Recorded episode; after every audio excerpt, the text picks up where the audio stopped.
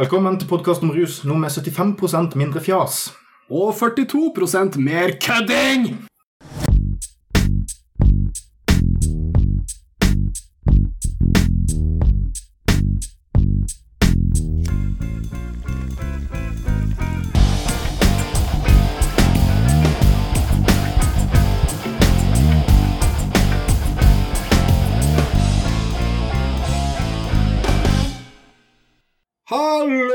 Sammen, og velkommen til en ny episode av Podkast om rus. Jeg er Buffert Fusk. Jeg er Per Ståle Honning. Åh, fy fader. Ting skjer i Podkast om rus, mye bak kulissene. Vi lager sporadiske episoder. Livene våre tikker i vei imellom disse episodene. Hvem vet hva som foregår?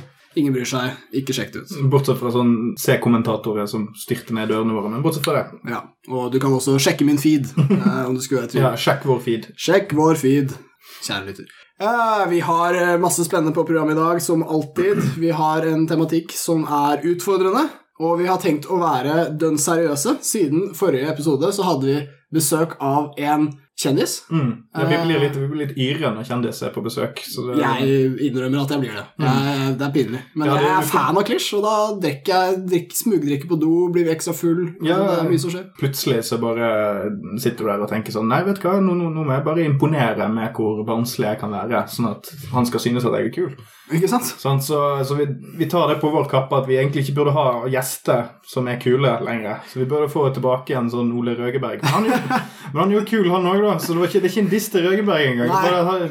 Jeg får ikke lyst til å liksom si til Røgeberg sånn Yo, Røgeberg, skal vi gjøre noe sprøtt? Nei. Renne ned gaten i en handlevogn? Sant? Det, Nei, Røgeberg-swagen er en annen type. Ja, ja. Uh, han får oss til å bli, føle oss veldig sånn intellektuelt forlegne. Mm. Veldig små og dumme. ja.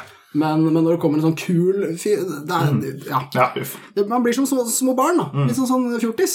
Eh, mens når Røgeberg kommer, så blir jeg bare idiot. Så det er på en måte liksom Det er gode, gamle tider. Pleietrengende. Velkjent.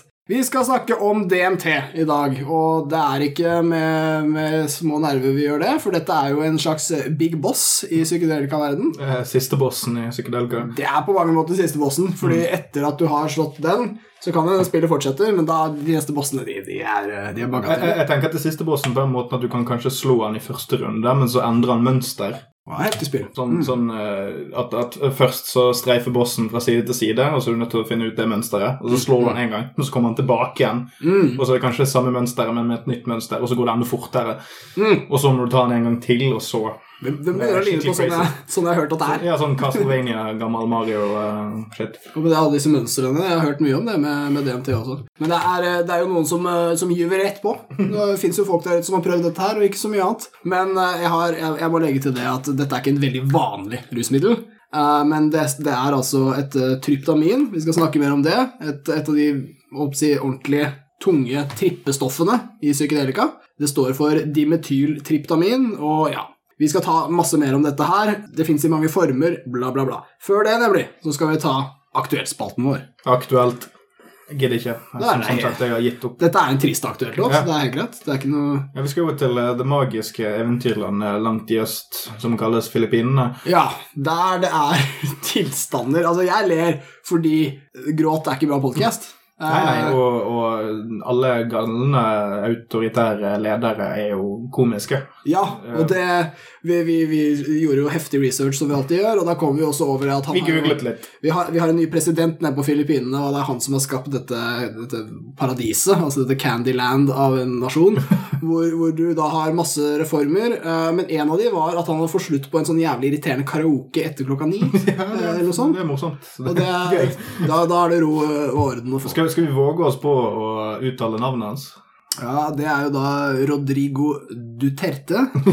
Ja, det Det, er det, det høres jo ut som noe du har funnet opp i en dårlig Fantom-serie fra 70-tallet. Rodrigo. Altså, det er veldig spansk. Vet du. Men Jeg vet veldig litt om Filippinene, merker jeg nå. Mm, de er veldig katolske der, altså det er jo Mm, ja. Uten å gå altfor mye mer inn på det, vil jeg jo regne med at det har vært en eller annen slags, en eller annen slags båt innom en eller annen gang.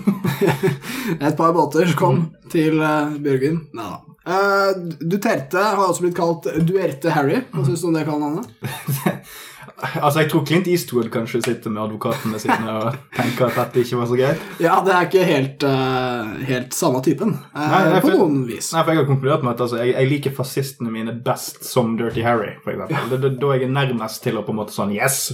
Politivold! Bra! Skyt i trynet, Harry! Skyt i trynet! Det er jeg veldig på. Eh, men men ikke, ikke når det er på ordentlig.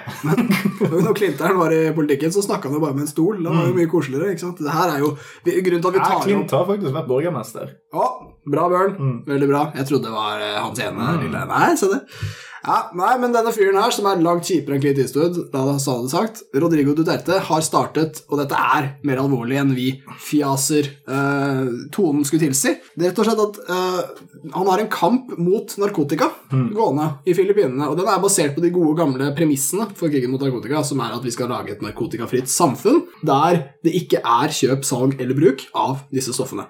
Eh, problemet her tror jeg vil, vil kalle det, det er jo det at du har ikke noe form for helseforståelse av narkotika. Narkotika er her bare lovbrudd sånn som tja, innbrudd og vold og den slags. Og det har ført til en situasjon hvor, hvor rusmisbrukere og brukere òg i eh, Filippinene de rømmer inn i fengslene, der det nå er De melder seg. Jævla fullt. Ja, de melder seg. De, de løper ikke bare inn sånn. De, bryter seg ikke inn. Uh, men det er, altså, du hører historier om fengsler hvor det er plass til 700 mennesker, hvor det nå er 8000, hvor de ligger og sover på trappetrinnene, de deler to-tre mennesker på et trappetrinn.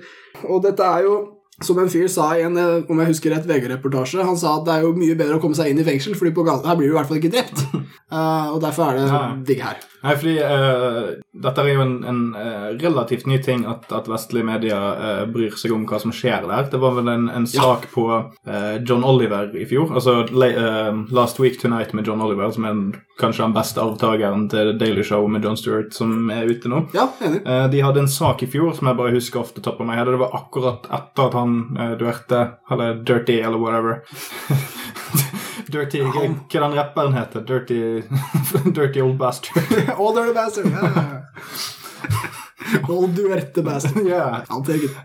Eh, Rett etter at han hadde blitt valgt, så var det en, en segment på John Oliver der det snakket om at dette her er en katastrofe waiting to happen. Det var liksom akkurat da han hadde, han hadde blitt valgt på den plattformen. Han, han, Ja. han er jo ikke en fyr som har styrtet noen andre, eller et eller annet sånt. Dette er en helt frivillig eh, ting fra filippinsk befolkning sin side. Stemmer. Og, og Ingenting innsett denne fyren, han, han gikk til valg på det, og det er ingen som kommer til å heve et øyebryn dersom han faktisk iverksetter de mest ekstreme tingene han har sagt at han skal gjøre.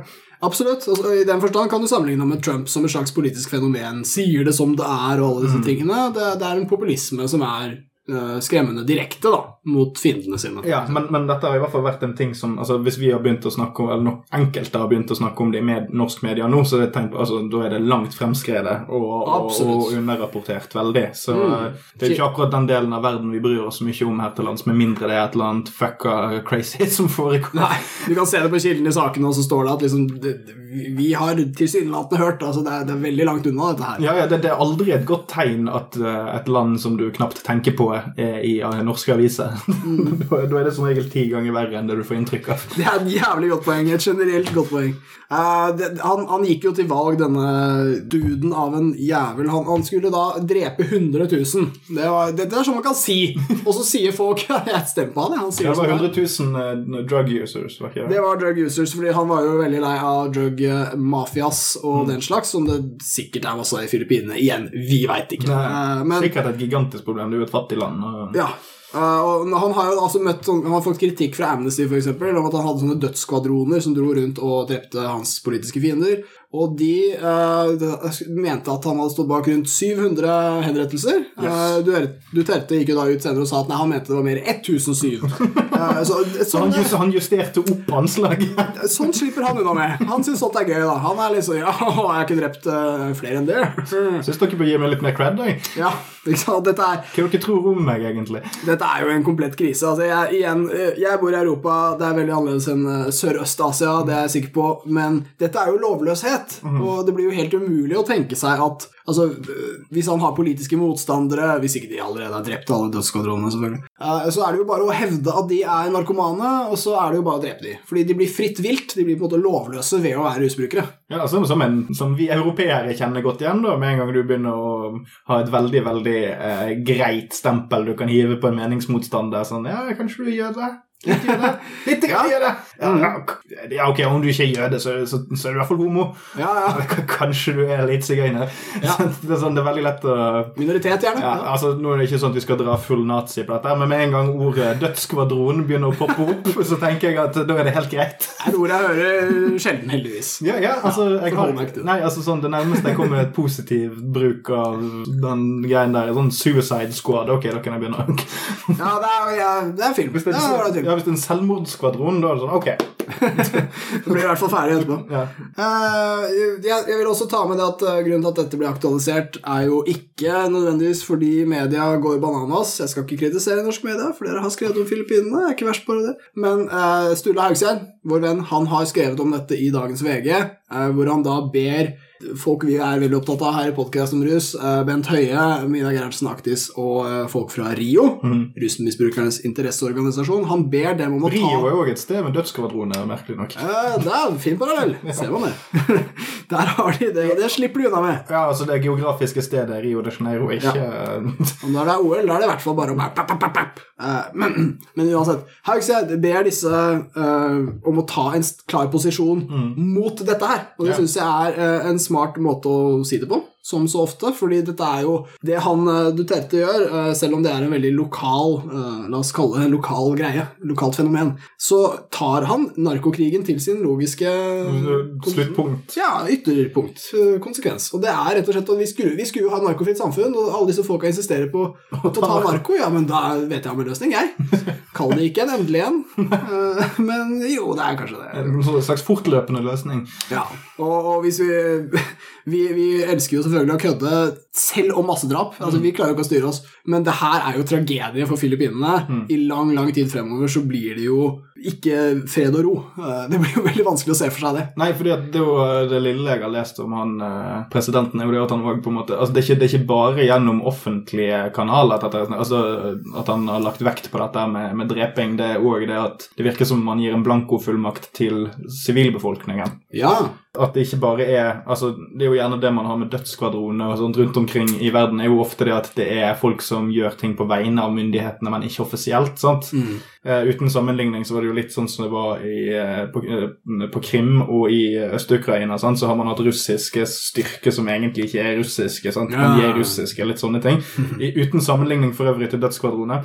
Litt annen konflikt. Men akkurat i dette tilfellet så tror jeg han òg har sagt det at ser du en, ser du en drug dealer på gaten, og så kan du skyte han. Altså sånn den, den typen ting. Og, og, og det er sånn Hvis noen faktisk går ut og skyter noen pga. det, og det ikke er i selvforsvar, så har det da endt opp med å Da har du sagt sånn Da har du legalisert drap, ja, ja du har det. Og, det er, og og så er det systematisk massedrap, som er alltid litt sånn altså, Det er ikke så systematisk, jeg skal slekke litt. Han, han gir fullmakt. eller Ja, han gir dem lov. Fri. Tommelen opp. Ja, det er øh, sjokkerende. Og så, og vet ikke vi hvor mye av dette som konkret gjøres heller, men bare det at man lefler med det, Ja. og at man bekrefter at man har gjort noe av det, Ja.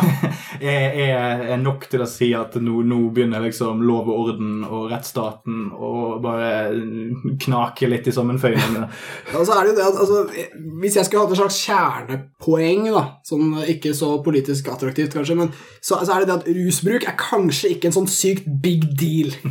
Right? Det er sånn, Jeg bagatelliserer, jeg kan liksom ikke justifisere all form for rusbruk, men det er sånn, kanskje vi har overreagert en smule her. Og, og her har vi en, en situasjon hvor massedrap er på en måte mer akseptert enn rusbruk. Og ikke engang salg, men bruk.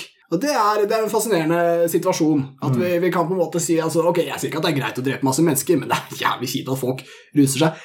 Hva faen skjedde? Jævlig crazy sprang det der, syns jeg. Og det, det samme er jo Haugstad flink til å påpeke i dag, at altså vi skulle utrydde disse rusmidlene, vi skulle lage noe narkofri samfunnet, men det er ikke rusmidlene som ligger blodig på gatene i Mexico. Det er eh, sønner og døtre og mødre og fedre og Ikke sant? Det er De rusmidlene, de bare lever videre, de. Og disse menneskene, de bare hoper seg opp i svære, ekle, triste hauger. Ah, ja. Ja, for det er òg en sånn eh, tosidighet med, med det driver og ansvarliggjør uh, Høie og litt sånt. For det er jo litt det samme man gjerne gjør mot, eh, mot folk som representerer islam i ulike former. Med en gang det skjer et terrorangrep, så kommer de jo for en mikrofon opp i trynet sånn Tar du avstand? Tar du avstand? Du Ja. som mener noe som er kanskje beslektet, men ikke nødvendigvis akkurat det samme som denne personen Ja. gjorde.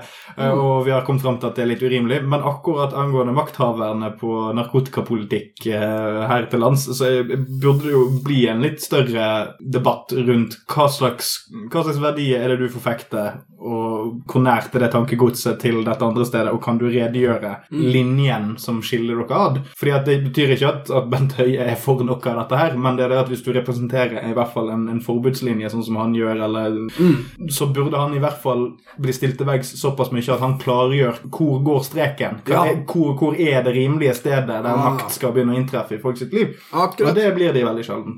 Veldig, veldig bra. Så, sånn for å prøve å ikke Muslimer trenger ikke å stå til ansvar for terrorister heller, men vi har, vi har i hvert fall kommet fram til et tidspunkt der vi sånn, bør si at ja, ja, men det er ingen folk her i landet som er så Ja. nerd som de andre her, så Jeg, jeg syns det, det eksempelet er helt ålreit fordi vi vet jo at uh, den islamdebatten den er jævlig kompleks. Mm. Men, men Haugsgjerds poeng er jo mange i stor grad at dette ikke er en så veldig kompleks debatt. At, at uh, det er to posisjoner da, som Haugsgjerd uh, får fram veldig bra, og så er det da uh, Høies tredje.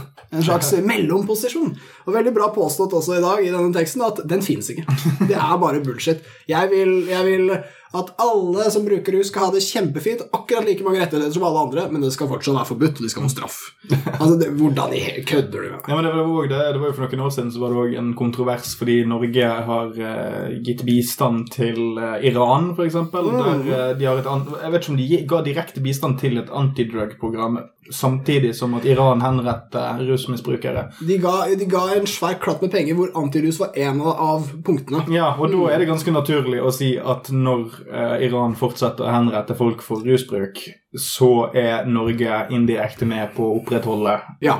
det. Og da er vi i det minste bitte lite grann delaktig i noen av de hengningene, eller hva enn det var. Ja. Og, og det er den typen problematisering det her òg. For hvis eh, Norge har hatt en eller annen slags konferanse der Filippinene òg har sittet og snakket om rusbruk, og vi ikke har sagt 'øy, kutt ut det der', Mm. så er vi ikke direkte, men delvis med på å si til Filippinene at Ja. whatever. Sant? Så, så, så hver gang det ikke trekkes opp en hard linje mot disse her ekstreme tingene som Ja. noen gjør, så Absolutt. Bra poeng. Og jeg, jeg skal dra en hard linje her nå. Det, det, rusmisbruk, og da sier jeg misbruk med vilje, er et helseproblem. Det kan også være et juridisk problem. Putt dem for domstoler hvis du er så jævlig hypp på det, liksom. Men det er i hvert fall et helseproblem. Og hvis vi behandler det som begge, så har vi også legitimert at det er et juridisk problem. Og når vi drar ned til Iran, og de sier ja, vi gjør akkurat som dere, vi, vi putter rusbrukerne for retten, og så har vi litt kulturforskjeller, da, sånn at i vår rett så dreper vi alle. Så er, så er vi egentlig på samme kurs. Altså, Bortsett fra at vi droppa den drepe... Vi putter dem heller i fengsel og langt mildere, for all del.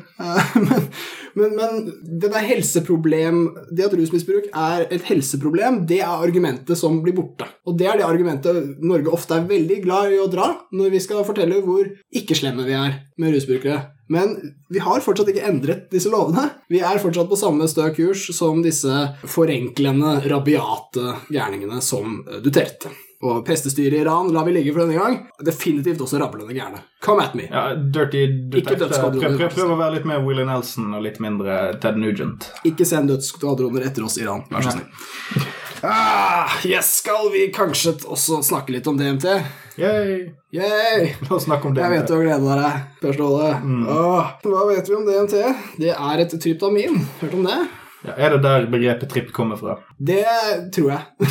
Der har vi sterk, sterk kilde. Her, her, kommer vi med, her stiller vi de harde spørsmålene tidlig. Jeg har inntrykk av det. Jeg mener faktisk å ha hørt det en gang, eh, men sånn etymologisk eh, slang-greie, det er ikke så lett. Men òg det å gå på tur og, take a trip. Ja, og jeg liker også at det kan også bety å snuble. Mm. Eh, Reise og snubling. Ja, jeg, tror, jeg tror vi kan drive og sende inn stipendsøknaden til, til, til HF i, på i Jon. Ja, Vi er sånn halvveis til den søknaden her. Uh, det er et tryptamin. Det er ett et av to grupper av stoffer som eh, Alexander Sjulgin skrev bok om. Mm. Uh, Sjulgin blir jo nevnt sånn i hvert fall annenhver episode her. Ja, ikke av meg. Eh, jo, jo. Nevnt blir han. Uh, og han har skrevet to bøker, en som heter Pikal, og en som heter Tikal. Uh, Pikal er phenethylamines, I have known and loved, og Tikal er tryptamines, I have known and loved. Og det er egentlig bare to hovedkategorier av trippestoffer, altså psykedeliske stoffer, men da de som fokuserer seg mest på den veldig vanskelig å beskrive fenomenet som er det å trippe. Mm. Altså ikke bli stimulert, ikke bli blid, ikke bli våken eller trøtt eller noe sånt, men bare veldig rar. og igjen, språk blir vanskelig her. Ja, at, at det er ikke en kroppslig effekt nødvendigvis. Altså, det, er en, det er hovedsakelig en mental tilstand Ja. uh, som uh, man beveger seg ut i. Mm. Eh, og alle kroppslige ting kommer ut ifra det. Ja, ja det, Så hvis en, eh, en, kropps, en kroppslig effekt vil være at du ikke helt tenker skikkelig, og derfor er slapp eller ja. slår ned ting. Eller. Ja, ja, men det er, fin, det er en fin beskrivelse. Vi har det problemet med det begrepet trip at hvis folk har et klart bilde av det, og da må du på en måte enten ha spist disse rusmidlene, eller så må du ha lest veldig mye om dem og snakket veldig mye om dem. Da kan du forstå hva en trip er, og da kan du bruke begrepet trippy om musikk eller altså, opplevelser eller hva som helst, og så skjønner folk hva det er snakk om. Men, men, men det er veldig vanskelig å forklare det her til noen som aldri har hørt eller opplevd fenomenet. Uh, så så der, der er vi. Det er, det er jævlig tøft. Men dette er ikke gladgreier som MDMA, det er ikke sjanglegreier som eh, fyll, og det er, ikke, og det er mye sterkere enn sånne milde rusmidler. Ja, det den, Vi burde prøve å finne på en ny tagline for denne podkasten snart. Sånn her, Vi prøver å beskrive det ubeskrivelige, Mm. eller et eller annet sånt. For det, Det er mellom ordene, ordene. Ja. Det er, det er det beste beskrivelsen. ja, ja, det, altså, det, det er jo ikke uten grunn at man veldig fort kan bli uh, sittende og, og diskutere hva, hva Torbjørn Egner egentlig mente med uh, folk i Kardemommeby når man tar disse stoffene her. Man begynner å stille spørsmål med mye rart og hva som er mellom linjene. sant? Ja.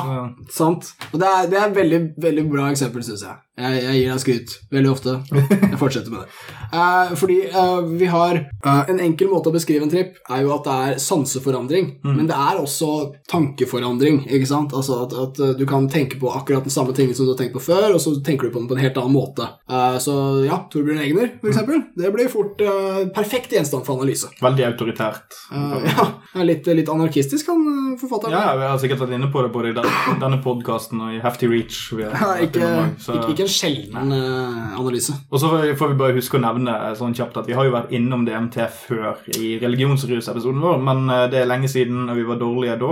Litt sånn som med de andre tingene vi har og snakket om de siste ukene, eller siste episoden òg. Det sånn Vi har vært innom mye rart før, men nå går vi litt mer i dybden enn det vi gjorde forrige runde. Vi skal prøve. Ja, prøv, prøv, prøv å ta ting individuelt og ikke i en sekk. Ah, nydelig. Vi skal behandle DMT med respekt. Eh, vi tar kategoriseringen. Tryptaminer, de fleste av dem har veldig rare navn. De mer velkjente er de organiske typene, sånn som Jeg holdt på å si meskalin, men det er nok i den andre kategorien. Psilocybin, sopp, er et tryptamin. Og ja, det fins også Ketamin. Nei, Nei. det er ikke et. Eh, men men eh, bra forslag. De andre, er, de syntetiske, har i hvert fall veldig knotete navn.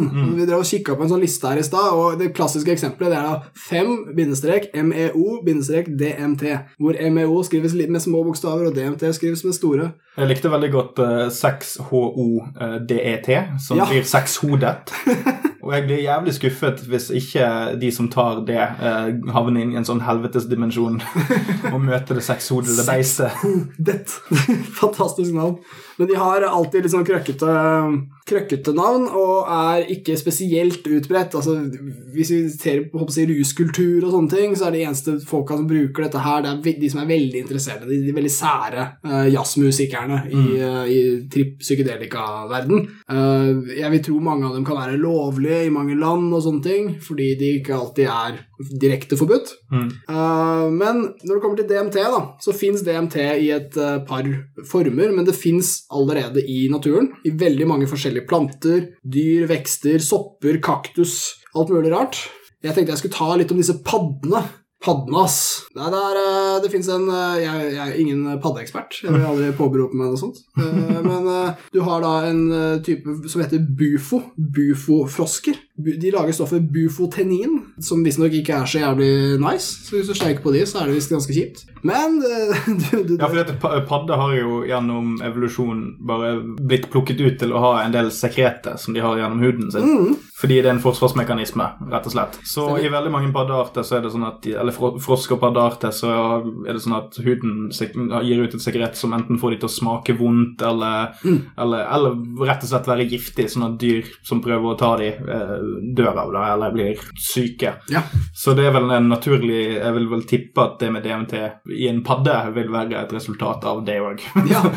ja, det vil jeg tenke meg. At det bare det har trippet ut så mange predators at det bare har ja, det er sånn jeg liker å se det for meg. At det er et eller annet dyr som biter den, og så å, tripper bare, og så slipper den. mm. Men om det er sånn Det er mest sannsynlig det. Eller en eller annen slags sånn paringsgreie eller noe lignende. Ja. Det er enten seksuelt eller overlevelse. Det er sjelden noe Ja. annet. jeg Det må være et eller annet som holder denne padda i live. Ja. Mm. Eh, Og lager flere padder på et eller annet vis. Og det er vel ofte i Sør-Amerika eller de finnes disse her, ikke det? Sør-Amerika og Øst-Asia og sånne steder. Ja. jeg er litt usikker på hvor man finner det geografisk. Jeg husker jeg leste en gang at i Oceania, altså Australia og Ja.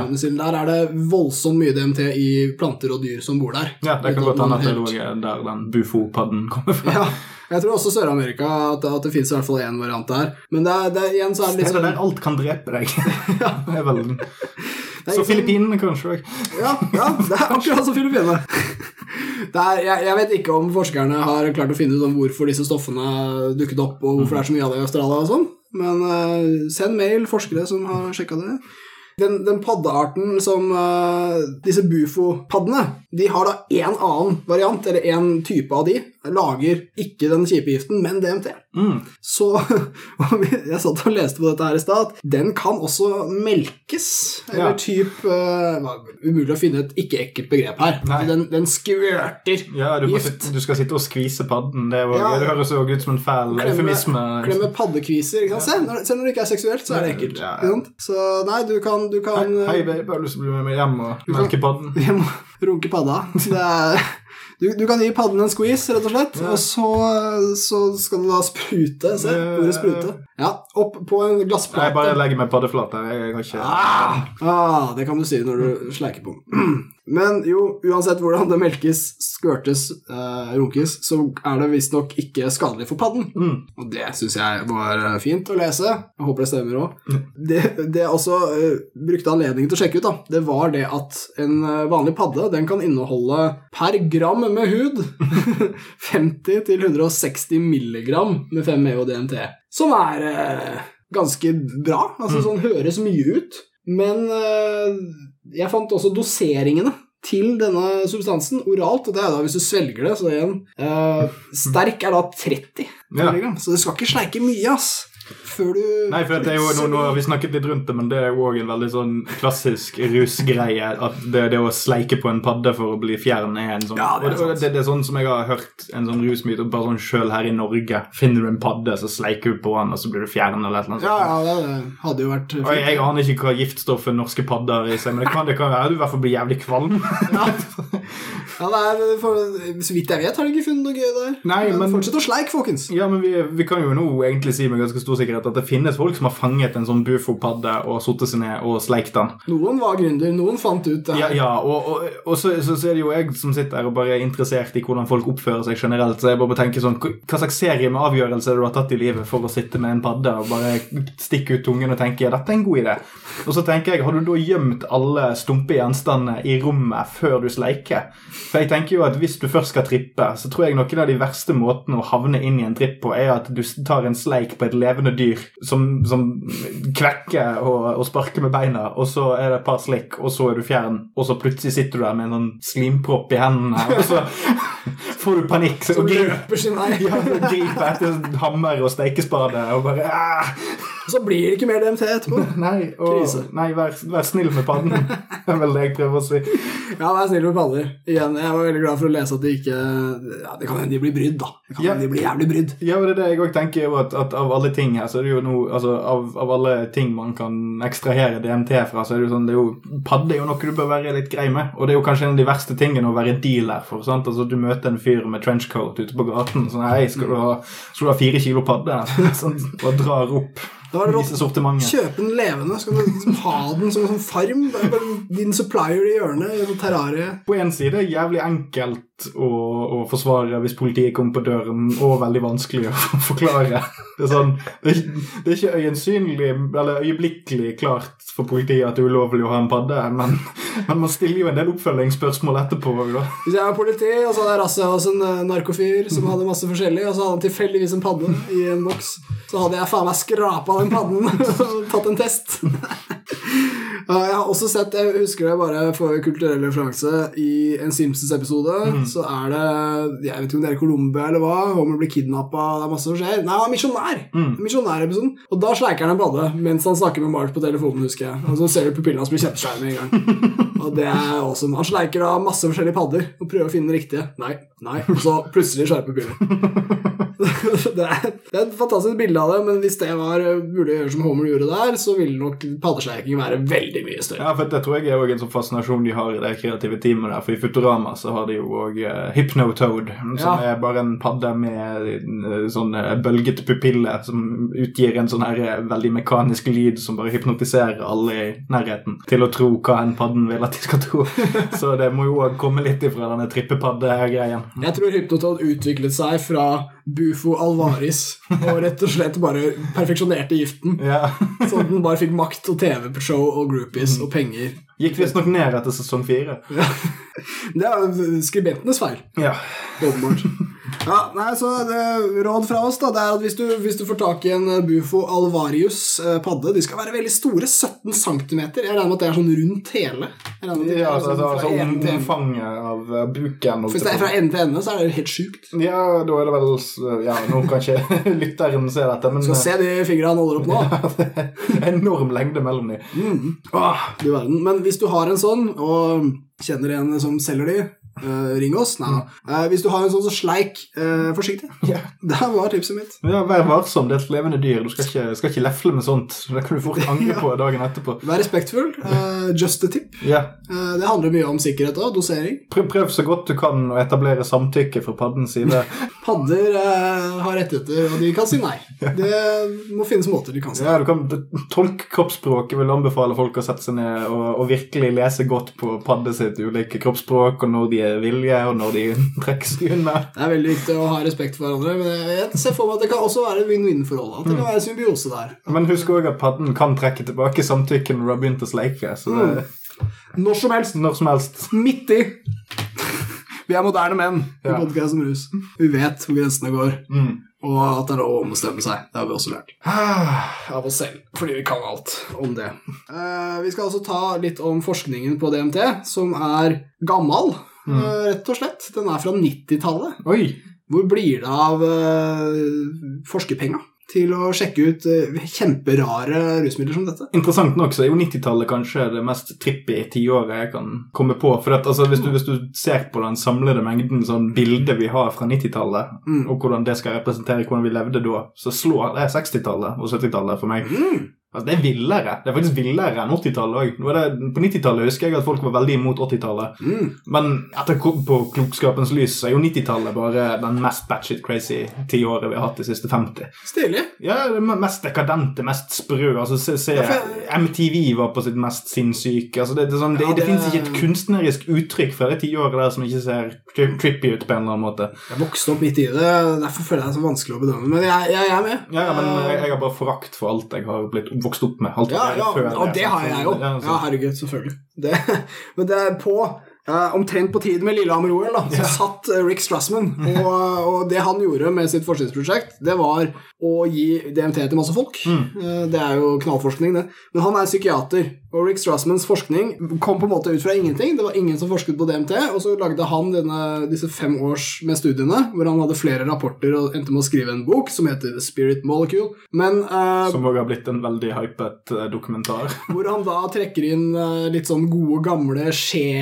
sjel-tanker. Han drar inn pinjalkjertelen i hjernen, der eh, Descartes var veldig opptatt av som var sjelens vindu og sånn. Og da, da ja, Han har i hvert fall klart å gjøre seg sjæl ganske epic med disse linjene. Men eh, det som er interessant rent sånn forskningsmessig, det er at vi hadde ingen forskning på dette her, og så ble det oppdaget, ingen rørte det. Rick Strassman gjorde masse rare studier, og så lagde hypoteser ut av det. Typ teorier, men det er fortsatt på hypotesenivå.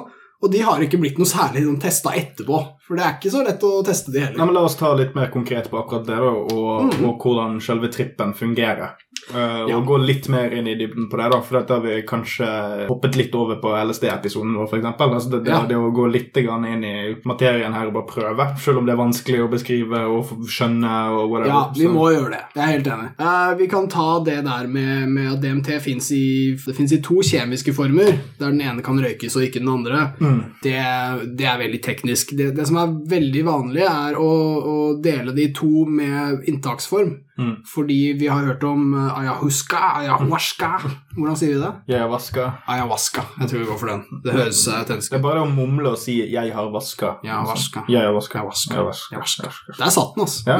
Ayahuasca. Eh, og changa, som er eh, Altså, changa er et produkt med røykbar DMT, men, men det du kan dele i to, er at du kan drikke det, og så kan du røyke det. Det er litt forskjellig. Men uh, Det smaker visstnok helt jævlig. det gjør det. Og eh, det gjør visstnok det. Nå høres det ut som jeg har smakt det. Har ikke smakt det. Altså. Har ikke det, altså. Men jeg har hørt det er noe jævla ræl. Jeg, jeg kjenner folk som har vært i, i skauen, i Peru, var det vel, og som sa at det var jo bare dritt. Altså, Ja, ja bare, bare for å repetere litt hva med ayahuasca er for noe. Ja, det er br brukt i Sør-Amerika som en sånn spirituell Vet ikke hvor lenge denne eh, tinkturen eller whatever varer, men du går i hvert fall Du, du, du drar milevis inn i skauen, og så møter du en sånn stamme, og så betaler du masse spenn for at den lokale medisinmannen eller scam-artisten skal ta deg inn i en jordhytte og gi deg denne her eh, veldig spirituelle greien og sette deg i stemning, og så skal du trippe i en dag. Det, det, Ja, en dag? Et dag-ish? Døgn pluss, ja. Ja, for at det,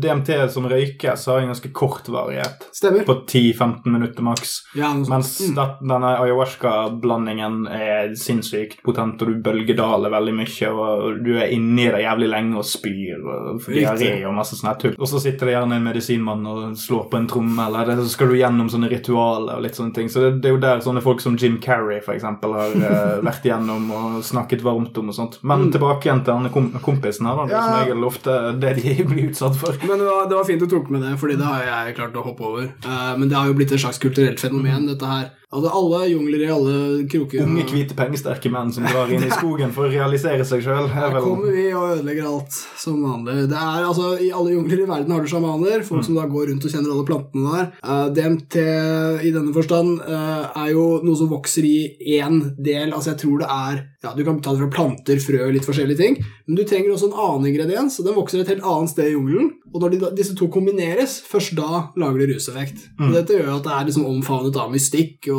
det finnes også veldig mange forskjellige oppskrifter. Og Jarska, det er ingen som egentlig er enig om hvordan det skal lages, så jeg kan jo se for meg at det er mye forskjellige opplevelser. Mm. Doseringer, smaker. Og det er ikke sånn at de sitter med sånn reagensrør og tester ut potensen i disse jordhyttene her, Nei heller, da. jeg. Det, Nei, det er local. Ja. Eh, og, ja. det, er derfor, det er derfor du skal være så jævlig skeptisk til, til han her eh, lokale MDG-representanten i kommunestyret. altså, det er bare fordi at noe, bare fordi at noe er lokalt, så kan det fucke deg opp. Ja, ikke sant? Og dette er, tenk, tenk hvordan det var med denne kulturen her òg, når de eh, har jo de har, de har noe vår kultur ikke har. De har et rituale som er dyptgående, hvor du tenker over store perioder av livet. Folk går i barndommen, de går i alderdommen, de går alle veier. Eh, så plutselig kommer det masse hvite, pengesterke mennesker fra eh, det vi gjerne kaller Vesten, og så bare det, det er for mange av dem. Altså, Jeg har jo hørt det at det, Og de har ikke den lokale kulturelle konteksten for hva de inntar. Så, så denne sjamanen kan jo fortelle dem hva de skal gjennomgå, men de vil jo ikke ha språket eller Mm. uh, kulturforståelsen til å skjønne hva vedkommende mener med det. Så du vil jo sitte der og ha en fyr som prøver å guide deg gjennom noe som du bare ikke er enig med i det hele tatt. Ja, og som han ikke Han kjenner ikke din verden Nei, heller. Eh, og jeg har jo inntrykk av at resultatene også er litt sånn ymse. Uh, folk får veldig personlige opplevelser, og så drar de hjem til sine veldig ikke som jungelen-verdener, og så har de et annet liv etterpå. Men, men om det var tilfeldig, om det var akkurat det de trengte, om det, om det Ja. Eh, Det er ikke godt å si at det her er noe folk burde gjøre. Det syns jeg i hvert fall. Nei, for jeg tror det er to typer folk som går og gjør det der. Drar på den ayahuasca-charterturen. Det ene er folk som faktisk er sånne hippie-dudes i utgangspunktet og driver og utforsker seg sjøl med, med mm, andre typer psykedelika og Ja. rusmidler først. Så de tror jeg De kan sikkert ha det jævlig kjipt, og sånt, men de er i hvert fall litt rustet for hva de går inn til. Men så Ja. tror jeg òg det er en del sånn ung, hvit, pengesterk gruppe som er eh, disse som leser Eat, Pray, Love slav og liksom skal dra til India for å selvrealisere seg, og som egentlig er veldig interessert i alternativ kultur, men egentlig ikke deltar så veldig hardt. De fortsetter å gå på den kontorjobben og Altså, jeg tror, sant, så Du har de som er litt bedre forberedt, og så har du de som blir knocked the fuck out uansett. Ja. Så du, får en sånn det er, ikke, det, er ikke en, det er ikke en homogen gruppe, de som drar dit heller, tror jeg. Nei, og det kulturelle blir litt sånn uh, weirdly globalisert på den der. Uh, men håper jeg å si, bevegelsen og, og trendene er, er noe for seg. Den røykbare er på, på en annen side. Og Det, det, er det finnes veldig få rusmidler som finnes i både en slags drikkbar og røykbar form, og det gjør DMT veldig unikt. Eh, fordi det er på en måte to forskjellige rusmidler, dette her. Når du drikker det, så går det veldig sakte. Det er derfor prosessen også er veldig stor. Men jeg har hørt det er fellestrekk på opplevelsen. Du kan ha hallusinasjoner som ligner, og altså litt sånn lignende tanker og sånn. Men den strekkes ut over tid med ayahuasca. Uh, mindre intens, kanskje i perioder ganske intens. Men når den røykes, uh, så skal da alt komme på en gang. Og det er veldig typisk for utspillere som røykes òg, at du får en veldig intens sensasjon, at det går ganske raskt. Ja, for Dette er òg det mest intense psykedeliske middelet vi har snakket om så langt. Altså Ja. Det eh, sånn som jeg forstår det, det mest intense av de, og det er muligens det rusmiddelet der de aller fleste av alle de visuelle fremstillingene av uh, tripping Ja. uh, i media og sånt er basert på. Altså Ja. det, det er den, den er en ekstremt visuell opplevelse Ja, stemmer. for og- den som tar det. Du kommer til et annet sted. Det er en veldig interessant ting her. Fordi altså, du, du havner på en måte i en slags koma, da. mm. Eller noe sånt, hvor du ikke er særlig snakkesalig eller ser ut som du sover. eller noe sånt. Og så etter en ti minutters tid så åpner du øynene, og så har du på en måte kommet tilbake igjen. Eh, men når jeg var yngre, så hørte jeg om folk som gjorde dette her. Ofte de du minst skulle forvente gjør det. Litt sånn streite folk som hadde endt opp i en slags uh, hippieanledning og gått for den. Og da det fortalte de også at de, de hadde vært borte. Og ofte forteller de en ganske lik historie, noe som er ganske fascinerende. At det, det virker universelt, men det er da at du, du kommer inn i en slags tilstand eller sted hvor din kropp er ikke der, og tid fins ikke, og alt er uendelig i alle retninger. Og, og, og ofte kan det være en annen entitet der, altså akkurat som du snakker med noen. og Noen tror det er Gud, og noen tror det er dem selv. Og, men, men det er likhetstrekk, men det er personlig. Ja, eh, jeg har hørt en eh, gjenfortelling av det som, som var veldig mekanisk. Altså at, at det, var, eh, det var litt som å se eh, noen bygge mekano Ja. foran dem. Ja, som er en veldig sånn spesifikk ting. Og vedkommende knyttet det litt opp mot at det smakte så jævlig kjemisk når han røykte DMT-en. At, at han, han trodde at grunnen til at ting ble så veldig sånn mekano, og, og at det ble sånn, ti- ting så veldig mekanisk ut, og at det var skruer, og at det var, ting passet sammen. Sånn, og Han lurte litt på om det kom fra at, smaksopplevelsen hans. At, at han ble farget veldig av det. Så det Assosiasjonen hans til smaken. ja, ja, sant? Så, så, men samtidig at det var òg litt sånn transcenderende. At det var et sånt tidspunkt der han begynte å se, føle en tilstedeværelse og litt sånne ting. Ja, og jeg, jeg, jeg føler allerede når vi liksom beskriver denne ganske sånn unike opplevelsen som folk beskriver, så, så bli, bli, kan vi alltid stå i fare for å reklamere litt for den, bare fordi det er unikt. Og jeg, jeg håper lytteren er jo alltid tilgivende med øregangene sine, men, men jeg syns bare at uh, når vi snakker om noe som er så sært som dette her, og så er de, veldig mange av de som har tatt det, syns det var spennende, og så beskriver de det på en sånn interessant måte, eh, så er det viktig å si også at dette er ikke en sånn stor uh, kioskvelter når det kommer til popularitet. Nå er jo kioskene på vei ut, altså. Jeg vet ikke om de- de, ungdommen vil skjønne hva du mener. hva velter de nå, da? Altså, det, det, det, er ikke så populært, ungdom. Eh, folk løper ikke ned uh, utestedene. Eh, det er Det er eh, ikke Bislett kebab etter stengetid. Nei, det, der er det populært. Flott. Det jeg ville ha fram, er at de, de historiene folk forteller om opplevelsen, er ofte veldig grandiose, og frekvensen de tar rusmiddelet, er veldig lav. Så man kunne da kanskje fått inntrykk av at folk liksom tar DMT, og så bare Wow, livet endrer seg, jeg skal aldri ta det igjen. Men det ser mer ut til å være en sånn veldig sånn underlig opplevelse. Som både frister til gjentagelse og ikke. Altså en slags nøytral, men heftig likevel type greier. Ja. er, det er stilig. Ja, for Inntrykket mitt er jo det at altså, noen, dette blir jo den tredje sånn psykedelika-episoden vi har på rad. Altså, vi, nå, I år har vi ikke prøvd å kjøre et slags tema. Eller, det blir litt sånn Veldig gjennomtenkt. Yes. Ja. Uh, men uh, inntrykket mitt er litt at det òg er den mest parodiske psykedelikaen å ta kontra LSD og psilocybin, f.eks., som er litt mer langstrekte og Ja. konkrete. Altså, de, inntrykket mitt er at de er mer konkrete, og det er mer, det er en visuell opplevelse der òg, men det er òg veldig introspektivt, og det er en større grad av at man er, man er bevisst, da, selv om man kan kjøre på der òg og få ut av deg sjøl-opplevelse hvis du virkelig vil det. Mm. Men inntrykket mitt av en sånn skikkelig intens DMT-tripp er at den er virkelig veldig separat fra måten hjernen din funker på. At den ikke er den er ikke umiddelbart like lett å deko- dekode, og den er mye mer intens. Mm. Og dermed er det òg veldig sånn ta det med en god neve salt når noen sitter og snakker om Gud eller andre vesener eller whatever, fordi det er så parodisk. Det er ikke en sånn Det høres ut som en ting som kan høres jævlig fett ut, men så er det egentlig Kan det òg bare være det at du satt og så Grønne menn? Ja, ja. sånn, Altså, Det er på en måte litt arbitrært òg. ja, ja, man, man burde ikke Egentlig òg et fellestrekk med alle psykedelika sånn her, ikke ta det andre folk sier som så jævlig god fisk på hvor jævlig awesome det er. sant? Det er en individuell opplevelse, og det blir, det blir alltid så flåsete når du skal legge så mye moralsk og etisk vekt på det. Mm. Slags, og metafysisk vekt, for den saks skyld. Ja, ikke sant? Og igjen, ah, det, det er perfekt. Da kan vi bare dra det tilbake til Rick Strassman, fordi han uh, gjorde jo den, uh, den uh, det valget å trekke inn sjelen her. Eh, og det er, det, er, det er- det er stilig, det, fordi altså, Strassman jo, gjør den forskningen på 90-tallet. Han har vokst opp på ja, i hvert fall fått med seg s- s- 70-tallet. Mm. Og han Ja, husker han var jo en gammel mann med briller, så Ja, ja, han- la oss tippe at han er 60. han, han er grå i dag, eh, men han, han rakk på en måte å, være av den skolen der, da. Psykiatere som, som jobbet med den type problematikk. Og han var veldig opptatt av Altså, han ga DMT til folk, og så satt han ofte og snakket med dem, og psykiatersessions med DMT. Og dette gjorde akkurat som de gjorde med LSD-studiene og sånn, men med LSD-studiene så kunne du alltid spørre pasienten hvor er du, og så sier de nei, jeg er jo i en seng, altså, jeg veit jo hvor jeg er. Mm. Men på DMT så, så gir du dem DMT, og så sier de 'nå er jeg ikke her lenger', jeg er et annet sted. Dritt, jeg hører en stemme, det er psykiateren, men jeg er egentlig et annet sted. Og, og, Kan du definere her? ikke sant? Og det, da, da, dette syns jeg psykiatere var veldig spennende. da. Og Han har linket dette her til eh, som sagt, pinealkjertelen, som er en sånn spennende kjertel i hjernen. Ligger midt i sentrum av hjernen og, og sånne ting. Det finnes jo veldig mange kjertler, da. Så grunnen til at han henger seg opp i den, kan jo også være at den har en mystisk rolle fra før. Men det er visstnok der i hjernen at DMT produseres. Vi har visstnok DMT i hjernen uavhengig av hvorvidt vi tar det inn eksternt. Og Rick Strassman mener at dette er noe som, som vi får tilgang på, kanskje i drømmer, men den ser litt tynn ut, egentlig. Men i hvert fall da når vi fødes og dør. Han knytter det gjerne til stressnivåer. Når vi føler maks eller minst av stress, da kan vi få tilgang på DMT. Ja, litt sånn uh, lys igjen av tunnelen-opplevelse hos folk. Yes, og den nær ting. døden.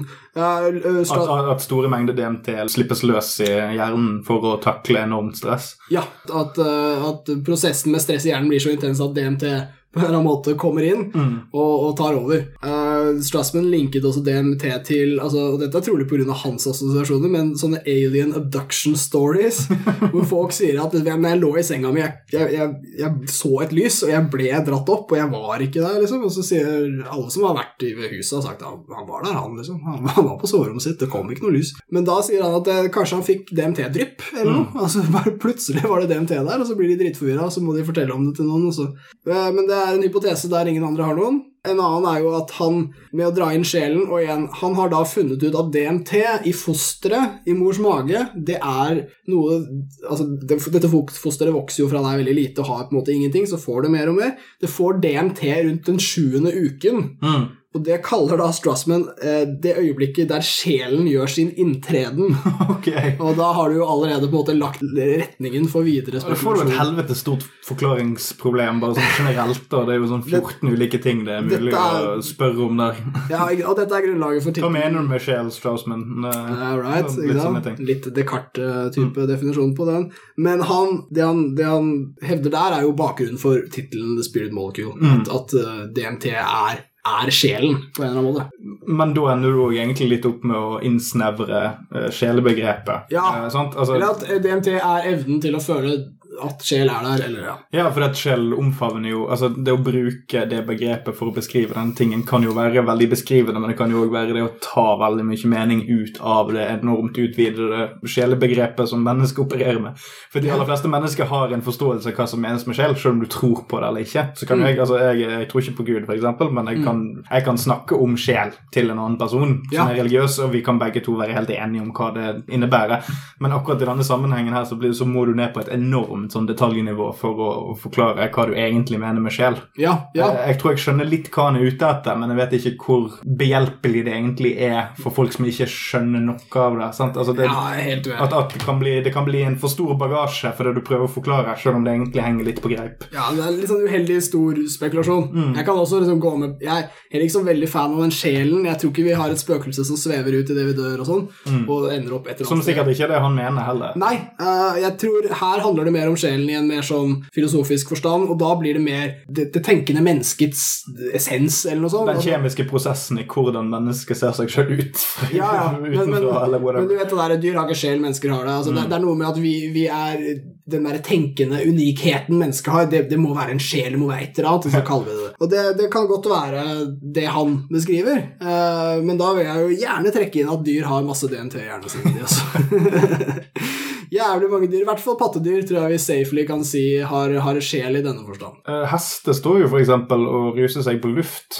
Så Wow! har jeg lest en gang. Altså At hester kan eksempel tygge på en gjerdestolpe. Mm. Og gjennom det liksom Tilsynelatende helt uten grunn, men at det er noe med luftinntaket, på måten leppen deres er når de har tennene sine på en sånn trestolpe, så kan de stå der og være litt sånn fjerne. Fucking mystiske, skumle, svære jævla dyr, altså. Jo, jo, men altså, dyr ruser seg òg, og de, Ja. gjør det, de gjør det i eh, De gjør det med overlegg, selv om de ikke vet hva de gjør. Så, Ja. sant? Mm. Man, man ender fort opp med å besjele ting som ikke er så komfortabelt å besjele. Ja, ikke sant? Og det er, det er det, DMT kommer alltid til å bli beskjelt, tenker jeg. Eh, Det er, jo, det er jo stilig at vi har alle disse reseptorene i hjernen som er mottakere, men vi har ikke produsentene. Altså, de, det står bare masse mottakere og venter og gjør blomstrer, tilsynelatende inaktive. Men når du tar ulike av disse rusmidlene som er syntetiske, så passer de som nøkler i låsene. Men det her er en organisk en. Den er veldig mange steder i naturen, og den er i huet vårt fra før. Og så er det da at når mennesker tar akkurat denne, så sier de det var unikt. Dette, har- Ja. dette har aldri skjedd før. Det er helt egen greie. Det omfavner denne med mystikk. Altså at, at øh, DMT kommer til å stå i en sånn egen kategori. Ja, men det, det blir jo litt sånn, eh, sånn som med cannabinoidreseptorer. Ja. At, at man, man ser at det er, her har vi et naturlig stoff, og Mm. at menneskehjernen har, eller kroppen har en måte å prosessere dette på, altså at det er en slags sånn highway eller en Ja, det fins et forhold der. ja, det sant, det. så, som er vanskelig å bevise eller mm, sånn, vise linken til, men at det er noe her som trigger en, en respons da, som er dypt menneskelig tilsynelatende, for at det ligger i evolusjonen. Ja. som de fleste ruseffekter har. Det er bare det at disse litt mer organiske variantene ser ut til å ha en mer profound eh, effekt enn Ja. en del av de andre, som er mye mer Altså, de syntetiske er enklere å måle, og de er litt flatere. Har ikke like stort variasjonsgrunnlag og sånne ting. sant? Vi har jo knapt uh, kommet i gang med å utforske naturen. og Det er ikke så mange år siden de fant et uh, tryptamin, visstnok, da, i havet. Mm. Altså et eller annet dyr, og det var en sånn kjedelig bunndyr, sånn bløtdyr eller noe sånt, som hadde lagd, visstnok til forsvaret òg, da, uh, en eller annen form for tryptamin. En eller annen sånn øh, maritim DMT. uh, som selvfølgelig blir jævlig spennende å, å teste. Men uh, jeg vil også trekke inn helt til slutt at vi har en sånn Apropos den der felles opplevelsen folk har på DMT. Fordi sant, det er igjen har, Jeg håper vi har fått fram at DMT er en sånn der kongen av I hvert fall volummessig i naturen. Så er DMT uh, overalt. Uh, I hodene våre ser det også ut til å ha en sentral effekt. Eh, Rick Strassman hinter om hva, men, men bekreftelsen uteblir. Men i opplevelsen da, så er det et felles ting folk nevner, og denne kommer fra Terence McKenna, og du kan nesten høre på formuleringen at det er hans gale hjerne som har lagd den. Uh, Machine Elves kaller han det, og dette er en beskrivelse av entitetene, flertall, man møter når man tar DMT. Når du kommer inn i DMT-land, whatever, Som kan sikkert er knyttes det- litt til uh, den eh, fyren jeg snakket om i sted, som hadde opplevd Ja. en veldig sånn mekano-greie. Så, så Absolutt. at en machine elf, eller en maskinalv som du treffer Ja, med en gang, altså Fordi jeg, når jeg hørte om dette da jeg var yngre, så hørte jeg en historie som var at det var en stemme der. Mm. Og den stemmen, den, den er deg, det er, det er din mor, din døde bestemor, Gud, alle, alle de hindugudene, et eller annet. Thor. Thor, selvfølgelig! Skjerp deg! Ja, smeller med hammeren. Men Terence McKenna han drar i Machine Elves, og han er veldig kreativ i sin beskrivelse. Han sier at de, de var flere, at de snakket som en gruppe til han. eh, At han kunne se dem, at han kunne beskrive dem og sånne ting. Gruppepress. ja, og eh, med en gang du har formulert det såpass eh, vivid og, og ja, utdypende, da, så virker det som veldig mange relaterer. Så det er veldig mange som har sagt 'Å, jeg har også møtt Machine Elves'. Det finnes også forskere som har klart å forklare veldig godt at når hjernen din får en viss reaksjon, så prøver den bare å, lage logiske løsninger, og det en slags andre stemme kan også være det. Eh, men disse Machine Elves er da et eller annet som snakker til deg. Når du har røyka DMT, når du har røyka nok, for det viser seg at du må på en måte få i deg over et visst nivå for at det her skal skje. Ja, Man har gjerne sånn threshold moments og sånn. Ja, Og så poff, så er du der, og så er det helt stille, og så er det ingenting annet, og så er det noe. Og da er det da små alver som, som liksom sier sannheter om ditt liv, eller noe. Det eneste vi vet om dette her, uh, ut fra det felles folk rapporterer, det er at det er jævlig personlig. Disse alvene sier ikke 'Jesus er den ene sanne Gud'. Eh, de sier 'du, fornavn, da fucking skjerp deg'. Det er sånne ting de sier. 'Vær snill med din mor', fornavn. Eh, Sånne ting. Jeg tenkte jeg skulle rappe det opp med en anekdote som jeg synes var bra, som også underbygger det med at dette er en personlig greie. Jeg er veldig skeptisk til denne generaliseringen og si at liksom, dette er mennesket her, her tapper vi inn i liksom en annen verden. Som vi var inne på tidligere. Altså, hva, hvis, hva hvis det er en annen verden? Hva hvis vi plager dem? Ja, ja, for- hva, hvis, hva hvis vi, Hver gang vi røyker DMT, så popper vi inn i en eller annen verden, og så er de sånn What the fuck, der er han igjen! Slutt å mase! Ja, ja, for det er den, den eh, tanken som menneskeheten alltid har. Sant? Det er sånn her, eh, gjennom alle sånne religiøse opplevelser, transcendente opplevelser, så har man alltid en slags tanke om at ja, jeg, jeg møtte en enhjørning gjennom denne trippen her, og, og enhjørningen fortalte meg så dype, sindige ting. Men ok, men dersom du tror at det finnes en enhjørning, hvorfor tror du at det er så jævlig kult for den enhjørningen å bare stå der alltid og vente på at du skal komme? Kanskje enhjørningen har andre greier han skal gjøre? Kanskje Ja. han skal rydde leiligheten før konen kommer hjem? Sant? Altså, det kanskje ikke passer så godt at du kommer på besøk akkurat nå? Ypperlig! Kanskje du bare skal gå? Hvis, denne, hvis det ikke er personlig, hvis denne enhjørningen ikke egentlig har noe særlig med deg å gjøre, så hvorfor bare står den der? Ja. Da har den ikke noe annet å drive med. Jeg, du lager den, altså. Ja, ja. Den står der på vent for deg, kompis. Ja. Det er din enhjørning. Han har ikke noe kone, han har ikke noe jobb å gå til.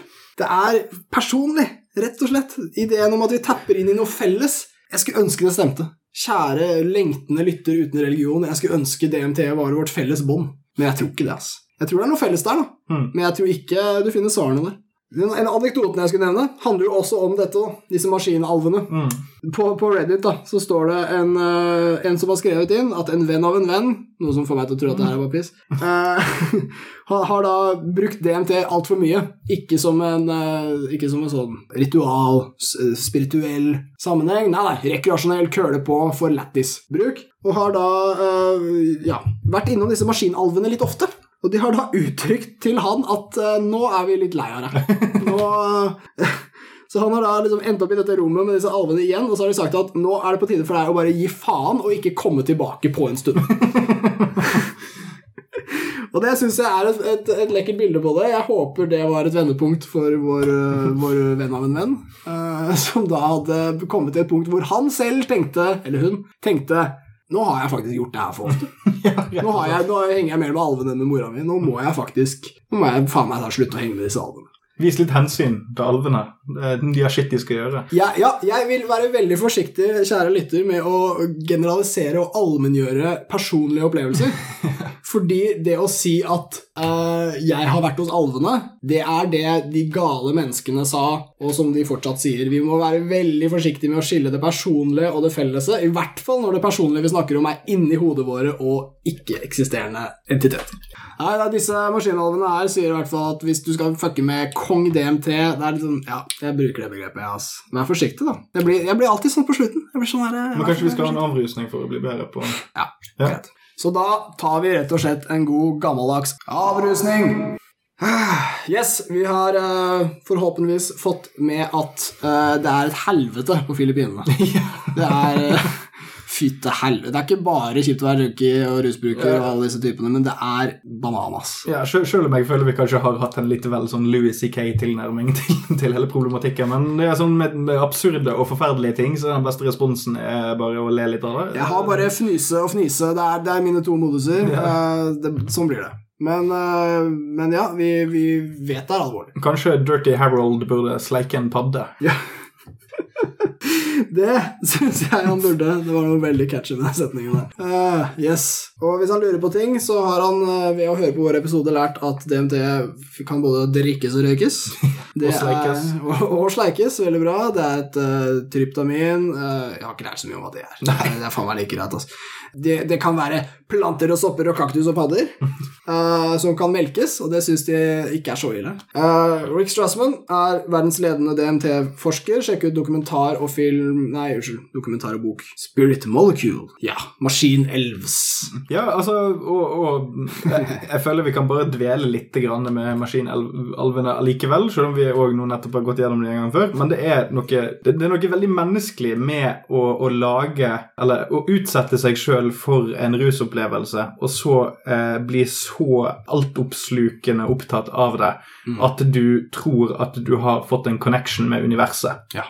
Og da syns jeg det òg, på den andre siden, er så jævlig kult at noen folk da eh, får en veldig menneskelig respons av disse her intergalaktiske vesenene som Machine Elves eller Gud eller Allah eller whatever er, gjør i denne settingen. Og Det er bare sånn Skjerp deg! Gå hjem!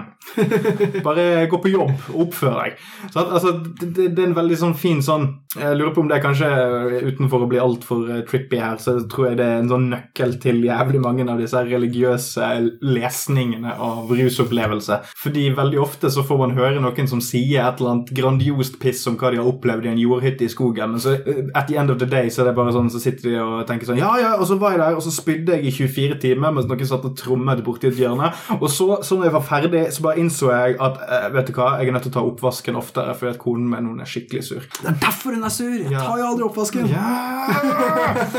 Sant? Ja, men veldig bra. Jeg syns det er fantastisk poeng. menneskelig at alle disse grandiose opplevelsene våre egentlig er bare så fantastisk profane. Ja, og det er jeg, jeg har så medfølelse med det stakkars medmennesket. Både et person som ser en film, og som bare må presse det på vennene sine. Se så kul denne filmen er. En gladkristen person som fant Jesus og vil dele Jesus med hele verden. Men det er fort den personen du blir òg, hvis du skal prøve å få dine venner til å dele en sånn opplevelse. Ja, altså Jeg hatet jo for eksempel The Big Lebowski første gangen jeg så ham. Mm. kom, kompisen min hadde oversolgt han så jævlig. Sagt at det var, det, å, det var tidenes mest laugh out loud-komedie. Og det er jo ja, Det kan du ikke si. Nei, sant? Det kan du ikke si. Nei, Så, så, så, så et par år senere så så jeg han igjen, og så ja, ha-ha. Setter et par år etter det igjen, åhå. Sant? Og så den bare blir bedre og bedre. For det er en personlig opplevelse. Oppdage noe på egen hånd. Men man skal ikke bli presset på ting heller. Har, Nei. har ikke lyst til å se The Big Lebowski, så ser du ikke Det The Big er vanskelig å la folk finne sin egen vei yeah. når du selv har opplevd noe så jævlig fett. Eller eh, la oss bare si stort, uh, sjelsettende, whatever. Om det ikke var fett engang, men bare sånn gigantisk. da. Så skal du på en måte bare gå videre neste dag som om ingenting har skjedd. Og så skal du si hei til vennene dine, og så skal du bare si ja, forresten, i går så endra jeg livet mitt. Det er no big deal. bare... Og det er faktisk sånn du må gjøre, fordi det var personlig. Og personlig er nøkkelen her. Jeg synes, Sånn som Rick Strassman går litt langt i å dra sjel inn i dette her, og sånn, men jeg tilgir Rick Strassman fordi han forsker på noe som jævlig få gjør, og så kan du gjøre det både personlig og allment. Og vi må prøve å skjønne det allmenne fenomenet her. Vi har alle hjerner som er mystiske fortsatt, ikke blitt så jævla utforska ennå. Og så putter vi enkelte ting inn i dem, og så skjer masse rare ting. Og her har vi en veldig spesiell reaksjon. Denne reaksjonen her får folk til å si veldig mye rart. De får dem til å gjøre endringer i livet sitt som er underlige. De får Jim Carrey til å snakke om kjærlighet på talerstoler i Hollywood, og så støtte sin rare kjæreste i vaksinekrig. Ja, og, Eh, og, men- og dette er en mann som bokstavelig talt har gjort karriere av å snakke ut av reven. ikke sant? Det, er, det får folk til å gjøre interessante ting. Eh, vi burde forstå den mer. Veien til å forstå dette mer er forskning. Ikke personlig babbel om eh, unike opplevelser alle burde ha, men faktisk innsikt i hva dette gjør med hjernen. Jeg tror ikke det vil fjerne mystikken og romantikken. Jeg tror faktisk det vil finne noe spennende. Uansett om vi finner noe lame, så finner vi noe spennende. For DMT er jævlig interessant, folkens. Det er det, altså. Om du hater drugs eller ikke, så må du faen meg innrømme at DMT er noe weird ass shit. Og det er unikt, og det er artig. Om det ikke er artig, så er du enig i resten av det. lista. Takk for i dag, folkens. Takk for i dag, maskinalder! Kom deg hjem.